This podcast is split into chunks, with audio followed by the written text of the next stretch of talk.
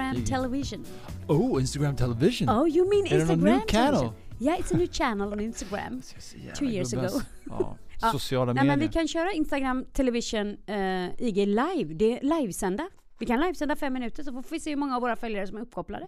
Det är ju lunch. Vill vi se det? Ska vi göra det? Ja, eh, nu? Nej. Jo, Okej, nu, nu blir du nervös. Ja, Ja, jättenervös. vi kör det. Vi, vi är bättre på radio. Ja, vi Eller på vi har ju radioface, det har vi redan konstaterat båda. Det finns en grej. Vi rullar nu, Johanne. Så- ah, det- alltså, sorry. så jag gör det varje gång. Du, Och, eh, och en gång sa du att jag lovar att jag inte spelar in. Och Så sen så det hade du klippt in det. Mm, det är sånt material jag kan använda Ja, sen. Som så ransomware när vi ska förhandla eh, kontrakten med de stora bolagen. Just det. Avsnitt 5. Ja. Vi kikade lite grann på... Eller 15, det vet vi inte. Nej, beroende vi på får vi se vilken ordning det blir. Vi Mm. eh, kikade lite grann på det här med...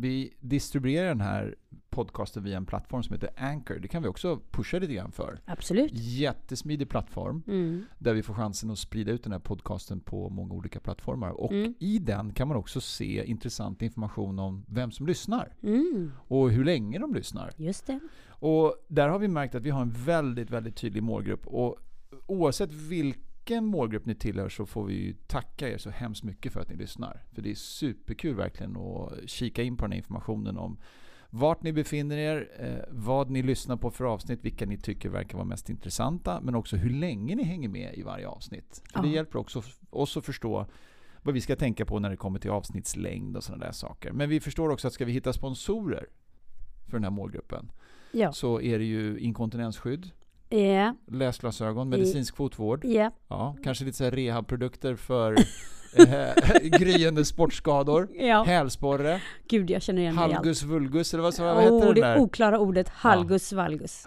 Mm. Så att ni i likhet med oss verkar i största allmänhet befinna er någonstans i medelåldern. Så vi hoppas att någon sponsor där ute i den här kategorin kanske hör av sig till oss efter dagens avsnitt. Då har ni säkra och trogna lyssnare inom detta, eh, dessa ämnen. Det plingar precis till. Det var Tena här som kom in med någon Ja. förfrågan om att eh, plugga för någonting. Det är lika bra att signa upp. Alltså, men vi måste bara pausa. Jag blir provocerad när jag får den här i mitt flöde. Varför För då det? tänk, ja, men jag tänker inte att jag är så gammal som Tena. Nej, det är klart. Men eh, jag tror att eh, jag hade ju samma reaktion från min fru nu när hon fick chansen att börja boka vaccination. Jaha. Hon är ju nu 45 plus. Mm. Och när hon fick det här mejlet från mig så här, jag är för fan inte 45 plus. Vad är hon då? Hon är ju 45, alltså hon är ju över 45 år. Alltså Ja. 45 plus. Vad tänkte hon att hon var? Jag tror att hon tänkte att hon var 40 plus, vilket också är sant. Och hon är ju också 30 plus. Ja, Men det var just det här att det var... förlika sig med att känsligt. nu är jag 45 plus grejen. Men är inte det hela den här äldre, äldre biten att det är bara de gamla som får vaccinera sig och nu har de gamla kommit ner till, till 45 plus? Jag har också fått erbjudande om seniorgolf med sådana rabatter och det tycker jag i och för sig är rätt bra. Mm.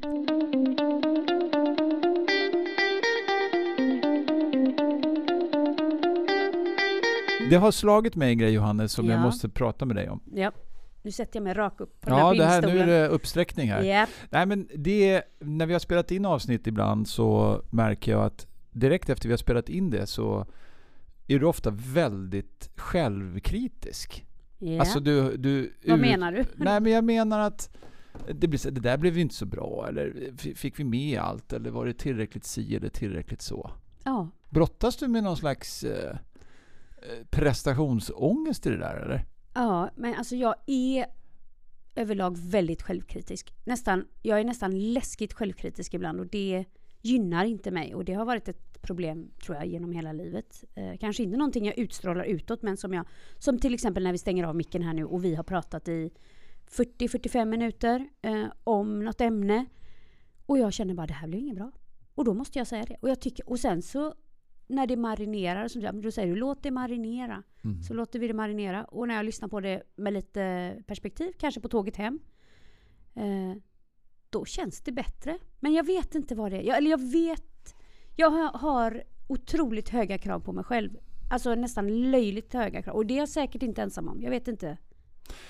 Men är det för din egen skull att du kände så att du hade en förväntansbild som inte infriade sig? Att du hade en sån målbild kring, om vi nu pratar i det här forumet, att podden skulle bli si eller podden skulle bli så, att den skulle vara fylld av det här eller fylld av det här? Eller är det, hur kommer det här tas emot utav andra? Det är nog en kombination av att jag vill att de som lyssnar verkligen ska tycka att det är intressanta investerade 40 minuter. Där vi ska nå ut med det. Alltså hela idén med Våra Perfekta Liv-podden var ju att vi skulle bjuda in dem på våra intressanta samtal. Där vi är faktiskt ärliga och öppna och, och outar våra rädslor och våra, våra framgångar och motgångar. Eh, men så ibland kan jag tänka så här, är det så intressant för någon annan? Det som är kul är när ni lyssnare faktiskt bekräftar att det har berört på ett sätt som jag kanske inte skulle tro att det, Jag tänkte att det skulle beröra på ett sätt och så visar det sig att det är på något annat eller ni känner igen er. Det gör jätte, då blir jag glad men jag är dålig på att ta åt mig. Alltså jag får läsa de här smsen flera gånger och förstå att det här är riktat till oss och våran podd. Om du tänker dig så här då, att om vi har ett samtal över telefon du och jag. Ja. Är du då fundersam kring om var det här samtalet meningsfullt för Magnus eller inte? Nej men då vet jag att du inte spelar in. Ja, Okej, okay, det är det, det elementet. Nej men Nej alltså då, lite nej. så här. Nej det tänker jag inte på. Jag, jag tänker på liksom att recensera ett liv eller recensera ett, ett beslut. eh, Men Baserat på, nu är det här ett väldigt öppenhjärtligt, eller vi vill ändå att den här podden ska vara öppenhjärtlig, att vi pratar om vad vi tycker och tänker, så jag hoppas att, att ni är med på det. Men vi kan ju samtidigt inte låta andra recensera eller låta vår uppfattning om vad folk förväntar sig och att vi ska prata om bli Nej. en för tung börda att bära.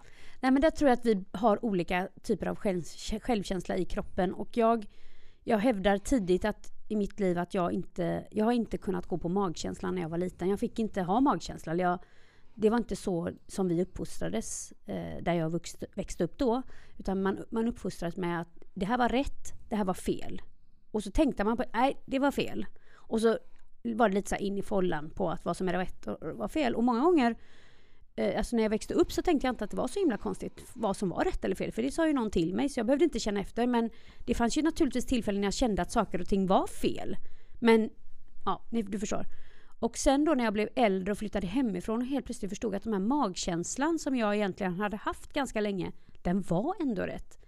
Det har varit ett stort handikapp för mig att kalibrera den magkänslan. För att jag vet idag oftast, idag har kompassen kalibrerats och blivit mycket, mycket bättre. Mm. Men jag tror att där tvivlet kommer ifrån. Att jag, jag tror att någon annan behöver säga att det här är rätt eller det här är fel. Mm. Våra perfekta liv handlar ju om att det som är perfekt för mig kanske inte är perfekt för dig. Det här yttrar sig, nu när du beskriver det så, Mm. så förstår jag varför du reagerar som du gör när vi har pratat om reaktionerna från våra olika omvärldar Mm. i våra perfekta liv. Du, med dina kontakter och relationer och det för er som har varit med oss ett tag nu vet ju att vi har mycket gemensamt men vi har också väldigt mycket som skiljer sig ifrån varandra. Inte minst det faktum att du bor på ena sidan eh, landet och jag på den andra sidan och med respektive bekantskapskretsar. Men när det har kommit positiv feedback så har vi nog båda stärkts utav det Mm. i eh, att ge oss en klapp på axeln och känna att vi har gjort någonting bra. Mm. I den bemärkelsen det har kommit konstruktiv feedback Ja. så har vi kanske betraktat den på lite olika sätt. Mm. Där jag har öppna armar och öppet sinne på att förstå vad är det den här personen ty- tänker, tycker, vill med den här. Medan du ganska snabbt har velat på något sätt, inte avfärda den, men ändå inte kanske lutat in i den på samma sätt. Jag går till försvar.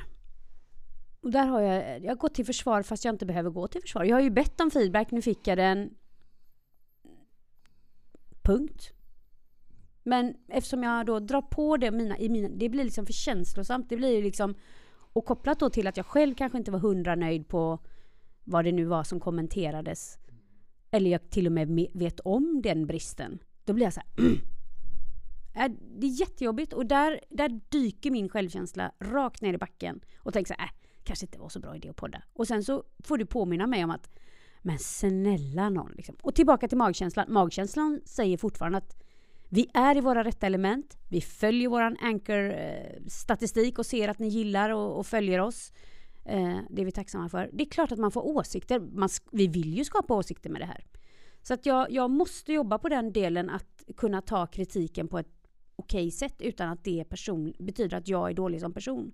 Men det är också kopplat till hur jag, hur jag känner att jag tar med mig från min barndom. Att jag tog det så personligt. Eh, av olika anledningar. Eh, och det bär jag med mig i mitt vuxna liv. Mina barn har jag försökt uppfostra med en magkänsla och där de gärna då frågar vad, vad tycker du? Vad tycker du mamma? Och, där, och eftersom jag har starka åsikter oftast så försöker jag ibland säga så här, nej men jag tycker ingenting fast de vet ju att jag tycker någonting. Eh, så att eh, det är jättesvårt men jag hoppas att de i alla fall vågar följa sin magkänsla för det är det tycker jag är, och det måste jag säga, det är min äldsta, han är ju, eh, har varit i ett vägval nu där han har fått erbjudande om att välja vad han ska göra nästa steg och han har gått på sin magkänsla fullt och han har påverkats extremt mycket av, av omgivningen, agenter och klubbar och föräldrar och syskon. Ja, du vet, alla, alla har haft någon jäg... Men han har bara, jag vill göra detta. Så hans magkänsla är kalibrerad med han, vad han tänker och det, det beundrar jag för att jag vet inte fasen om jag hade kunnat stå emot så mycket åsikter om folk som tycker att man borde.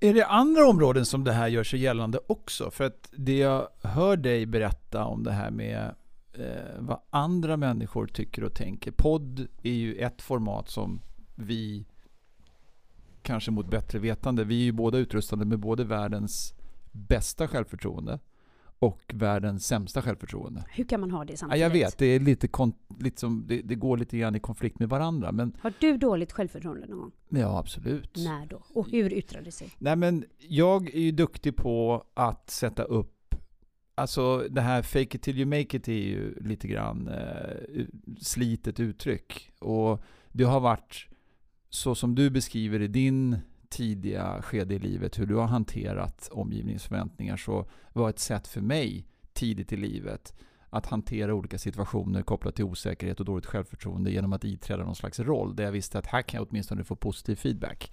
Här typ kan jag, rolig? Nej, men här kan jag vara rolig, här kan jag vara lite snärtig, här kan jag vara lite eh, spjuveraktig och hitta på mer eller mindre genomtänkta saker för att på så sätt avleda uppmärksamheten från det faktum att jag faktiskt kanske inte alls har så stark självkänsla och starkt självförtroende. Utan mm. den har ju vuxit sig starkare genom åren när jag insett att jag kan inte utgå ifrån vad alla andra tycker och tänker om mig. Jag måste ju börja i vad jag själv tycker och tänker om mig.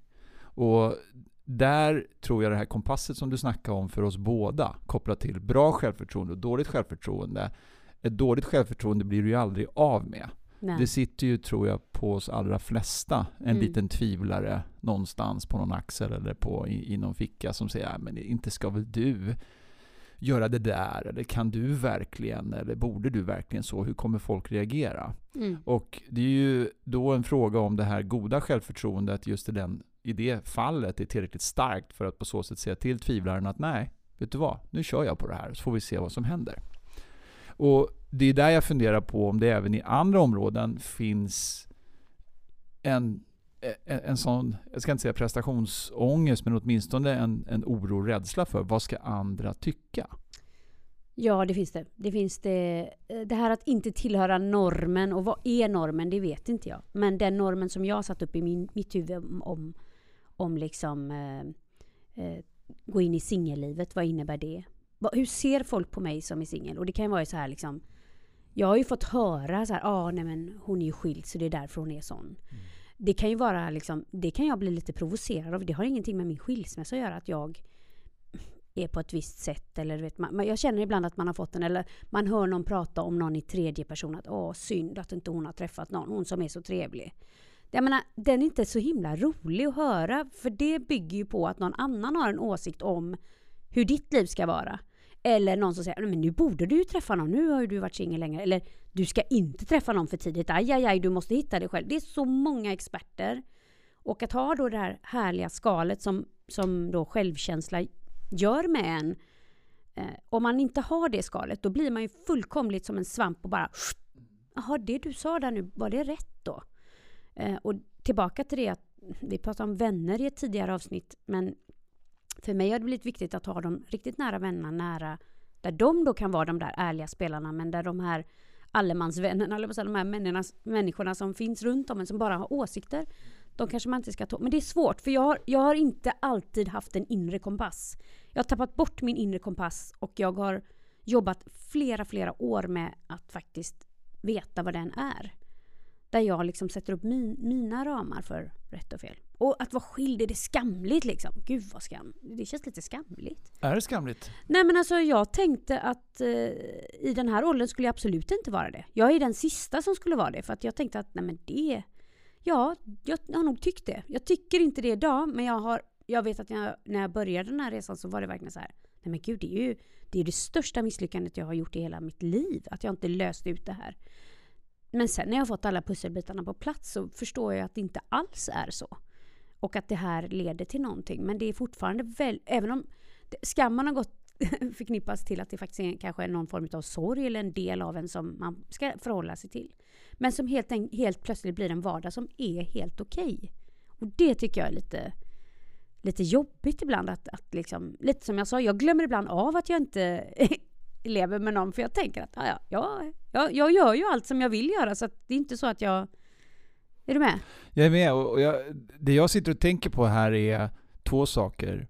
Det ena är folks reaktioner på beslut för, för att det här med norm, för det var den andra saken, vi tar det först mm. tänker jag, eller som jag tänker att det här med norm kopplat till relationer då. då yeah. Så är det så att, jag vet inte hur statistiken ser ut eh, och vi är inga tabellbitare men jag tänker att det är en ganska stor andel utav de som lyssnar och eh, befolkningen i allmänhet som faktiskt under sitt liv eh, går igenom en skilsmässa. Så är det, dessvärre. Det, det, det är ju det, det, är inte så att det är någonting, men herregud, va? Mm. Det kan man väl inte göra?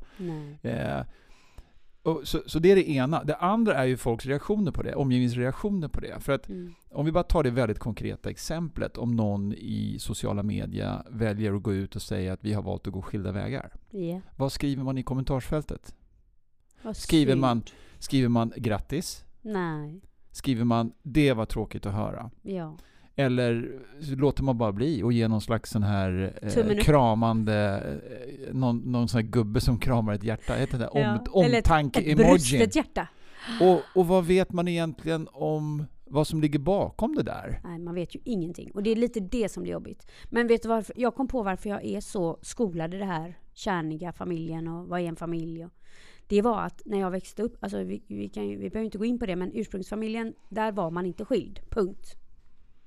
Och jag lyckades inte med det. Och då kan inte jag leva upp till vad mitt ursprungs eh, var. Mm. Det, jag lever inte upp det till dem. Och det, det är liksom en, en medan jag har massa goda exempel, bättre exempel på folk som faktiskt gör en andra resa eh, med sig själva eller med en ny partner som, som, som är så här, ja. Men jag kan inte själv sätta mig i de skolorna. Det är, lite, det är sorgligt att vara nästan 50 och, och inte vara så kalibrerad hela vägen, varje dag. Men är inte vi den första generationen på ett tag som ändå kan fatta den besluten utan att behöva tänka så himla mycket på att det skulle vara normbrytande eller på något sätt kontroversiellt? Ja, men det är nog också, eh, jag utan att gå in på detaljer så tappade jag relationen med en av mina föräldrar när, vi, när det blev separation i min mm. ursprungsfamilj. Och det har ju inte hänt i den här familjen som jag lever i idag. Har, de, mina barn har ju precis lika stor tillgång till båda sidorna. Och eh, har en fin relation till båda sidorna. Så att jag tror att, jag vet att jag frågade dem någon gång. Så, Tycker ni det är tråkigt att vi inte... Nej. Nej, så det är klart att det är Nej, de, tyckte, alltså de, visste, de förstod inte frågan. Därför att för dem var det så här, nej men alltså nu är det så här. Det, det är skitbra, det funkar. Så tillbaka till skam, till vad andra tycker, till att vara sin egna största kritiker. Jag, jag måste bli bättre på att sluta tänka så. Därför att jag kan till och med fråga mina väninnor, skilda eller icke, de, de, varför tänker du så? Ja, varför gör jag det? Så jag måste jobba på det. Men där har du ju ett bra gäng att surra med då. då ja. Där du träffar dina, oh, dina ja. ladies och, ladies. och får, får chansen att prata. Mm. Och det där har vi ju också snackat om förut. Att hitta olika forum, olika människor och prata med olika saker om. Mm. För att få lite perspektiv på saker och ting.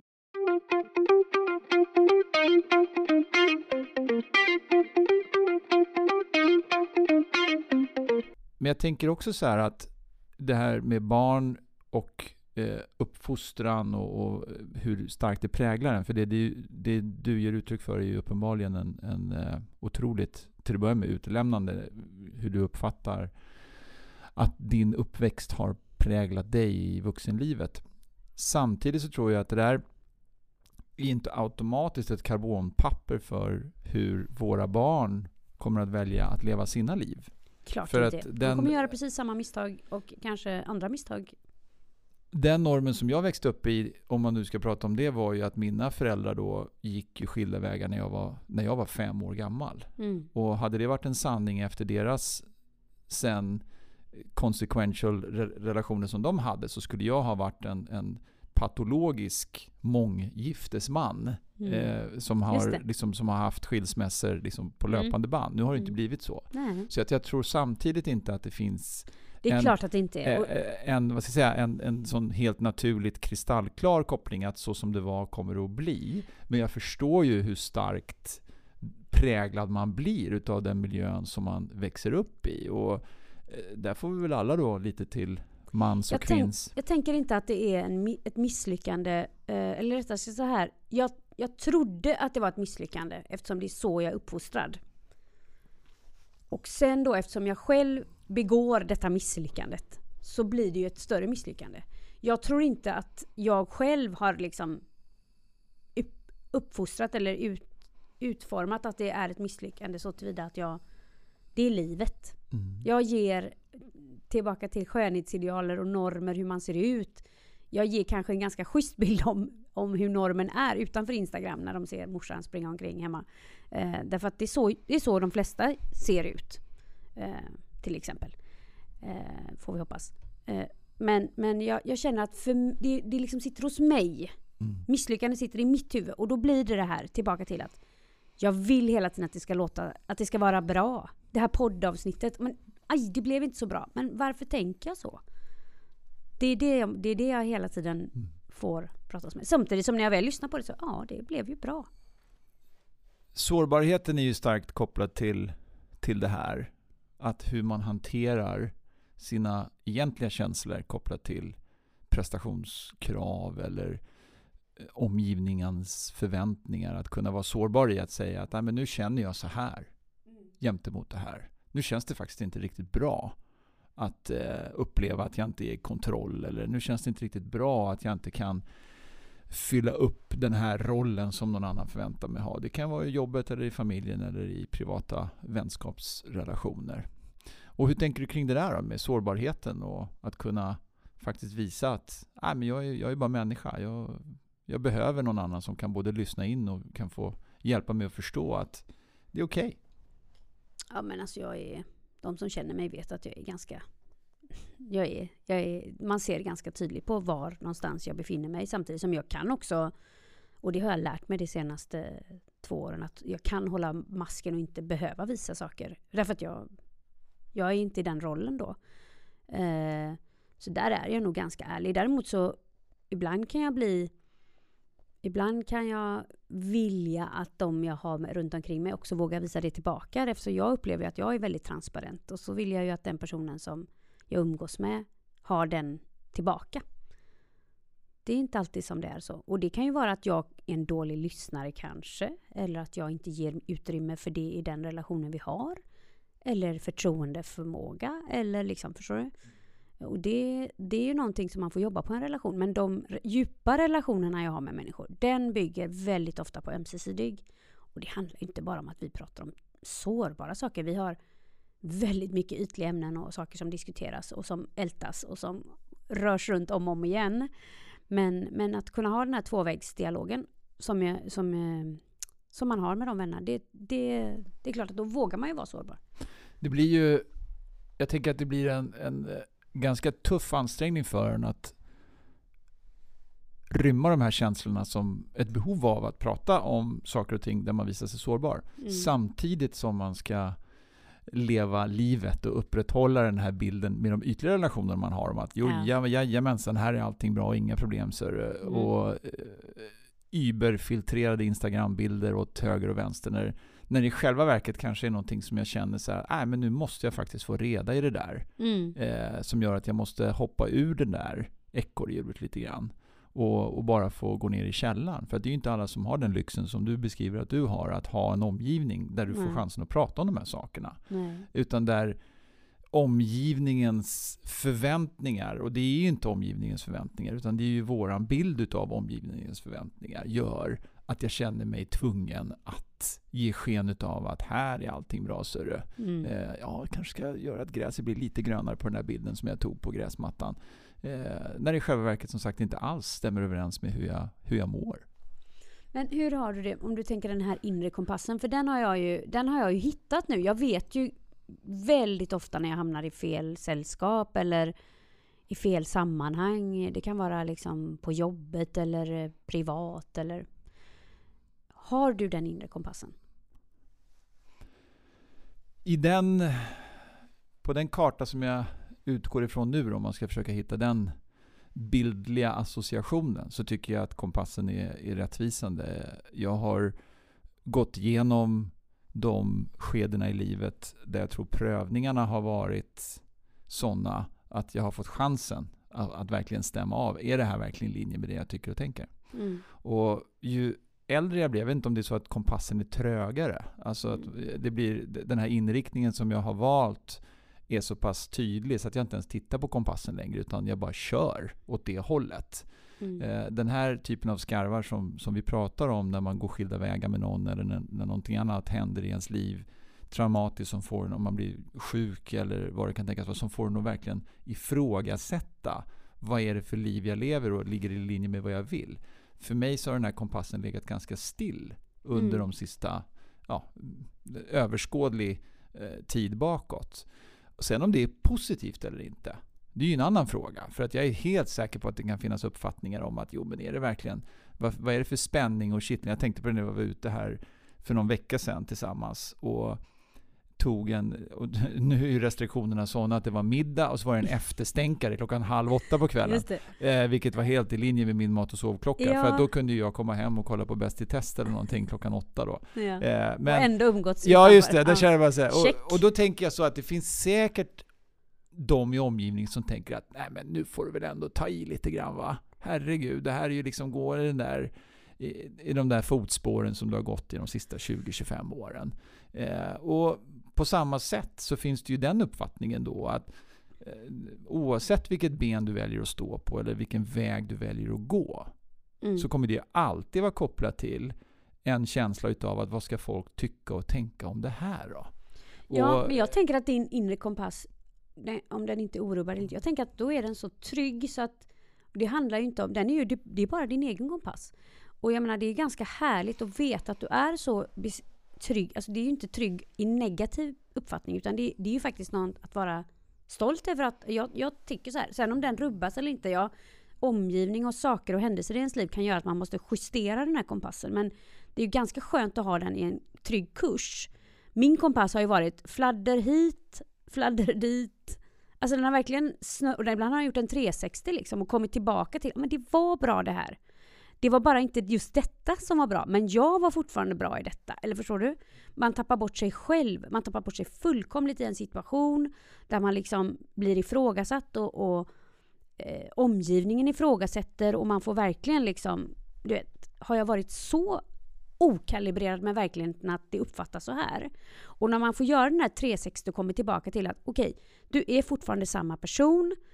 Det hände på grund av yttre omständigheter eller situationer som gjorde att det blev så. Det som har blivit bättre då på äldre dagar, eller när jag börjat hitta den här kompassen, det är att jag kommer tillbaka till samma ut, utgångsläge. Men det är jobbigt såklart när jag trillar av kompassriktningen och bara så här, nej men vänta lite här nu, vad? Och börjar rannsaka mig själv och liksom försöka sätta mig in i någon annans. Och nu uppfattade du mig så, då måste jag förstå det för att Mm. jag ska liksom... Det är jobbigt. Och, och det där, jag kommer ihåg den här scenen i eh, fucking Åmål. Ja. När pappan sitter och ska prata lite tröstande till dottern där. Ja. Och säger att jo, men det kommer bli bra ska du se när du blir lite äldre. Hon säger jag, jag är hellre lycklig nu än om tio år. Ja. Och det där tycker jag är ju, det gäller ju även fast man inte är tonåring. Ja. så är det ju svårt att se uppsidan med att den här 360 som du pratar om, eller de här utflykterna som livets krumsprång i våra perfekta liv faktiskt innebär, att kunna se välsignelsen i den här och nu.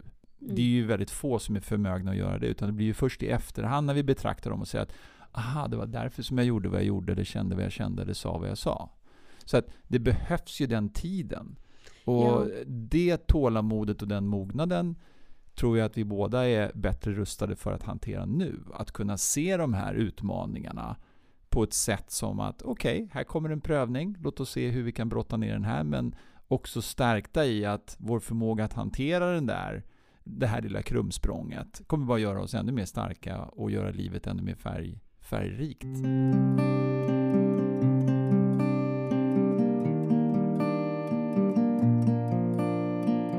Egentligen i grund och botten är min inre kompass ganska stabil nu. Och det här faktiskt, jag har ju jag har nog eh, liksom någon stor masterexamen i psykologtimmar för jag har spenderat väldigt många år hos en psykolog som jag Ja, jag måste tacka henne för väldigt, väldigt mycket. Eh, men men eh, det, som, det som har varit var att, liksom, att hitta din magkänsla och tro på den och stå för den. Det är kanske det som den här kompassriktningen för mig har blivit nu. Även om jag hamnar i situationer, och det, kommer, det sa hon också, att du, du kommer hamna i situationer där du liksom ställs inför ungefär samma. Bara för att man har rätt ut sig själv eller kommit underfull med saker med sig själv. Det betyder inte att du aldrig kommer hamna i de situationerna igen. Men när du gör det, då kommer du inte ta samma reaktionssträcka eller ut, utstakning som det kanske var första gången du hamnade i den här krisen. Utan du bara sa okej, ta lite det här med att släppa taget om sina barn och jag har vetat att de ska flytta här nu eller en av dem ska flytta. Det har ju varit en process för mig att, att förstå det och liksom nu står vi där, nu ska vi skiljas åt men jag har ju fått mogna in i det. Och det har ju varit ett sätt att lära mig. Alltså, okej, flytta kompassen lite nu då. Okej, nu ska den kompassen vara... Det är okej att tänka och känna och tycka så. Och den dagen... Jag har försökt öva på något tal på vägen upp eh, på... Jag kan inte hålla tal. Jag kommer inte kunna hålla tal på min sons eh, student. Därför att jag är så otroligt känslosam så jag börjar gråta bara jag tänker på att jag måste säga de här orden. Ja, visst. Fruktansvärt jobbigt att sitta med den klumpen i halsen och verkligen känna så här. För jag tänkte så här, om man är skådespelare då måste man ju framkalla tårar i tid och otid. Mm. Jag hade vetat exakt hur jag skulle framkalla de tårarna. Att hålla ett tal till min son. Men samtidigt vill jag ju inte missa chansen att hålla det här talet. Så jag var tvungen att fråga en väninna. Så jag kom på att jag kommer hålla ett tal om ack så kort. Och så kommer jag skriva ett långt brev till honom som han får läsa när han är själv, som han ska ha hos sig, som han ska läsa om och om igen, förhoppningsvis. När han ligger där i sitt nya hem, långt från mamma. Eh, där han får veta vad han betyder. För att för mig så är det viktigt att få säga det, men kanske inte måste säga det inför alla. När jag dessutom kommer börja, jag börjar gråta bara jag tänker på det. Men alltså, det är jättestort för mig att, att få säga det till honom. Men jag ska inte förstöra det där momentet som är just på hans student då. Men då, nu tar ju både Hugo och Oliver studenten Ja. samtidigt. Eller Hugo tar den eh, Dagen tar före. da, dagen före. Och att hålla tal, du och jag, det har ni också fattat för er som både lyssnar på det här och som har känt oss till vi, Det är ju sällan kort om ord eh, fr, från någon utav oss. Men de känslorna som är kopplade till de här orden, Mm. när, det, när det kommer nära, Mm, när det brinner till, mm, är ju någonting som... Eh, att gråta till exempel under när man håller tal till sitt barn. ja. Varför skulle inte det kännas okej? Varför skulle inte det... Eh, du, du säger förstöra moment. Och jag vill verkligen inte kritisera för jag Nej. kan relatera till 100% men jag vill ändå bara utmana lite grann och fundera på så här. eh, När det är så starka känslor kopplat Mm. till det, ska inte de få ta plats där och då? då? Ja, eh, jag tänker att det är flera anledningar. Dels för att han inte är sån, jag säger inte att han, jag ska säga så här, han är en extremt känslomänniska, för han har jättemycket känslor. Han är den av oss som sätter ord på mina känslor ibland och det beundrar jag honom mest för. För han kan säga, ja men mamma du vet ju att det är därför, för att det är så här. Just det, ja, det tack för påminnelsen liksom. Eller varför blir du ens irriterad på det här? Du vet ju att du är irriterad därför att det här har hänt. Liksom. Just det. Så han är jätteklok och han är väldigt nära sina känslor på ett sätt. För han är en, och han är den som av, av oss i vår lilla familj eh, känner av om jag inte mår hundra. Då kan han liksom antingen komma och lägga en hand på axeln eller på något sätt visa att han känner av att jag inte är på topp. Eller väldigt sympatisk och, väl, och liksom välja parti. Sen är han också väldigt, han är ju idrottskille så han är också ganska så här, när jag försöker då säga till honom, men kan du inte berätta hur det känns när du fick det där erbjudandet? Han bara, ja det känns bra. Nej men Ja, men hur känns det egentligen? Exakt. Och då säger han, ja men det känns skitbra. Ja, Förstår du? Jag får liksom inte ut honom, ur honom mer än det och då blir jag ju frustrerad för jag, för jag känner ju alla de här känslorna som jag tycker att han borde känna. Jag vet att han känner dem men han vill, behöver inte uttrycka dem för att han har dem. Så vi är olika där och då känner jag så här, att stå och tala inför så mycket folk, då, det kommer vara en del folk, enligt folk. Ja, det var bra att du fick med det också. Just det, ifall vi har någon inspektör som lyssnar. ja, de fick ju sagt det. Eh, men eh, jag vill liksom inte göra honom obekväm. Jag vill inte göra min familj obekväm. Och eftersom jag är liksom en drama queen av rang så kommer de här tårarna spruta som Lille Skutt. Då tänker jag så här, jag säger några välvalda ord. Jag har hittat en låt som kommer bli han, han och min låt. För i den låten så säger man väldigt mycket det jag egentligen vill säga. Och sen så vill jag ändå skriva det jag, alltså mina ord. Så att jag hittat någon mellansteg där. Sen kanske jag håller hela talet. Och det handlar inte om att det måste vara ett långt tal. Men det blir så känslosamt därför att det är så stort. Det är större för mig än för honom att han Mm. tar studenten. Nej, men det, jag förstår och jag, det, det är klart. Det här med ens föräldrars reaktioner. Nu är ju Hugo eh, gammal, eller inte gammal, men han är åtminstone 18 och eh, borde rimligtvis vara vuxen och kunna hantera när ens ja. mamma eller pappa är känslosam. Ja. Självklart är det så att man får känna av, och det gör ju du och det vet ju jag, Mm. eh, läget för när det är rätt att att böla, eh, böla ögonen ur sig och Ja. när man kanske ska försöka och tygla sig lite grann. Jag tror att det kommer bli bra i vilket som. Det blir nog. Och det här brevet som du berättar om kommer alldeles säkert ligga när han har flyttat hemifrån Jo. och verkligen förstått vad, vad relationen innebär. Ja. Eh, då kommer det komma till. Då får han ta det på egen kammare. Bokstavligt talat. Ja. Ja. Ja, det här med känslor kopplat till eh, andras förväntningar och eh, skam. Det inre kompasset har vi pratat lite grann om. Ja. Det blev djupt idag Ja, Johanna. det blev jättedjupt. Men vi Jättedjupt. behöver gå på djupet ibland för att liksom förstå att det finns ett djup i den här podden också. Och saker som faktiskt är väldigt svåra att prata om. Jag hade faktiskt en, en av mina väninnor som sa Men Hanne, det, det, jag känner ju dig skitbra och det är faktiskt lite jobbigt att lyssna på det för jag är så rädd att du ska outa för mycket om dig själv. Och det är ju extremt omtänksamt av henne och jag, tanken har slagit mig. Och då sa hon så här, men tänk den personen du träffar. Han kan ju bara lyssna igenom podden och så känner han ju dig innan. Ja, det är ju faktiskt sant. Så är det ju faktiskt att vi är ju väldigt ärliga i podden och jag tror och hoppas, och det var ju lite det som var idén av podden, just att man vågar vara ärlig för att det har vi ju förstått att det finns många där ute som faktiskt också skickar en liten hälsning och säger att gud nu kände jag igen mig, tack för det. Eh, och det innebär inte att vi berättar de snaskigaste detaljerna, eh, för vi outar ju inte någon i vår omgivning, men, men eh, vi berättar ärligt om vad vi känner och tycker. Och det här med skam, eh, inre kompass och magkänsla, det, det är några saker som faktiskt har funnits med i mitt liv väldigt mycket. Och de har jag ju fått bearbeta och nu kan jag känna att jag faktiskt det är mindre sånt i mitt liv, även om jag faktiskt kommer tillbaka till situationer ibland som där jag liksom, oh, nu är jag där igen. Till exempel som när vi kommer stänga av micken nu och säga att nah, det här blev inget bra alltså. Lovar dig själv att inte säga så efter det här. För, för nu har du faktiskt varit otroligt eh, öppenhjärtig. Många saker som jag inte har hört tidigare dig berätta om Johanna och det har du gjort här nu i, i podden. Vi får väl se om du godkänner Ja, att den här podden sänds överhuvudtaget. Vi Mm. började prata om reaktioner som vi hade fått och det ska vi då eh, passa på att göra.